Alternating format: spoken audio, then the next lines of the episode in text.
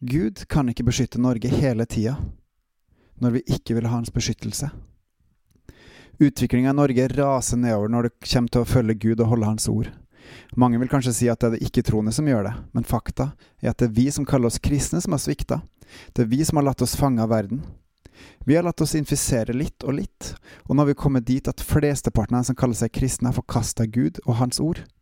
Hvordan våger vi å utfordre Gud på den måten? På Jesu tid kaltes de religiøse lederne for fariseere og sadukere. Dette var menn som var opptatt av å følge Gud og gjøre Hans vilje. Over tid hadde de vendt seg bort fra Guds barmhjertighet og blitt mer opptatt av å følge reglene enn å se til menneskene og hjelpe dem. Vi likeså. Fariseerne var så opptatt av å ta vare på det som var i tempelet, at de glemte å ta vare på menneskene. Vi likeså.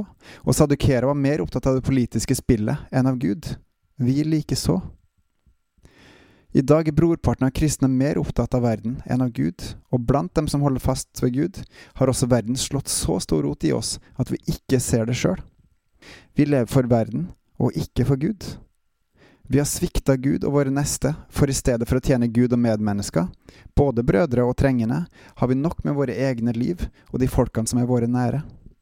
Og på søndager er vi mer opptatt av å tjene Gud gjennom diverse funksjoner på gudstjenestene, og så er vi ferdig med vår oppgave. Hvor er hjertet vårt?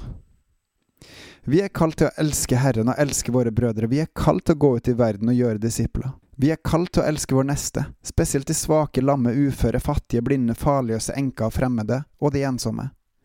Hvor er de kristne som gjør det her?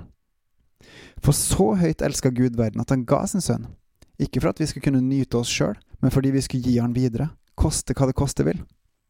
Å ikke gjøre det her, altså det å ikke ta seg av de svake, fattige blant brødre og andre, er å synde. Vi kristne i Norge synder stort, hver dag. Å ikke bruke tid med Gud hver dag er også synd. Det finnes ingen unnskyldning for å ikke bruke tid med Han hver dag. Her snakker vi ikke om prestasjon, men om å være. Være med Han, være hos Han, der Han er. Gud har kalt oss til å tjene Han, som en åndelig gudstjeneste der vi stiller oss fram som et levende offer til Hans velbehag. Gjør du det? Ja, flott, voks videre hver dag, for det ønsker Gud å hjelpe deg å vokse videre i. Nei, Vend om, be om tilgivelse, og følg Gud fra nå av. Skal du følge Jesus, må du følge han i ett og alt. Utviklinga blant de kristne i dag viser hva som skjer hvis du ikke gjør det. Vi skal ikke skikke oss lik denne verden, men bli forvandla ved at våre sinn fornyes, at vi kan drømme om hva som er Guds vilje, sier Paulus videre i Romerne 12. Kjenner du igjen det her i ditt liv? Nei? Da er det fare på ferde. Litt? Godt. Uansett hvor det er Øk det ved å bruke mer tid med Gud hver dag. Finn dine måter og tidspunkt på å være med Gud. Tilbe han, lovsing han, snakk med han, takk han, rop om hjelp til han. Inviter inn Den hellige ånd til å fornye sinnet ditt. Gi han plassen og æren han fortjener, rett og slett. Start i dag. Start nå. Ditt liv, dine nærmeste liv, avhenger av det. Og du kan også redde livet til andre du ikke kjenner, andre syndere som ennå ikke har tatt imot trua på Jesus som sin frelser.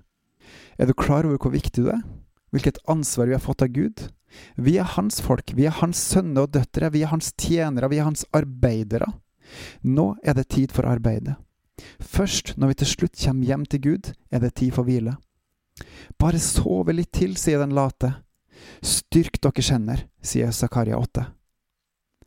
Mange av oss føler oss svake og fastlåst, fanga i vår egen verden. Vi er slitne, vi er travelt opptatt og har ikke tid til å tenke engang. Det er det verden, motstanderen, djevelen, vil ha oss til å tenke. Men Gud har lagt en plan, den pågår nå, og kun ved å tro på Jesus blir vi satt fri.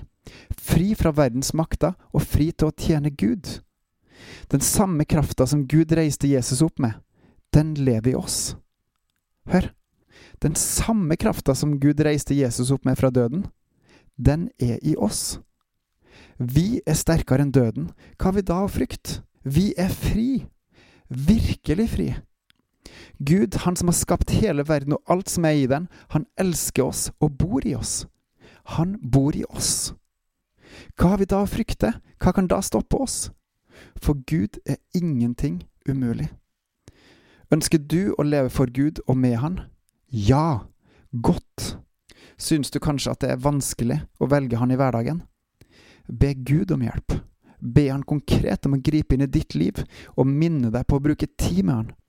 Og rett fokuset ditt på han hver gang du tenker på han i løpet av dagen. Si for eksempel Hei, Gud. Start der. Og når du har kommet lengre, vokst mer, be han drive fram helliggjørelsen i deg og dem rundt deg. Et godt verktøy for å vokse videre er Bubels. Se podkaster fra ca. mars 2019 for å få mer info der. Ta for deg ett område om gangen, og tren deg sterkere i det. Finn dine måter og tidspunkt der du trener på det, og be Gud gi deg å ha framgang. Gå i tro. Og husk, ha alltid tid alene med Gud hver dag, for han er selve livskjernen, livskrafta, i hele ditt evige liv. Uten han er du fortapt. Med han har du tilgang til den samme krafta som reiste Jesus opp fra døden. Med han har du tilgang til å daglig stige fram for han som har skapt både himmel og jord, og som elsker deg. Amen. Og på gjenhør.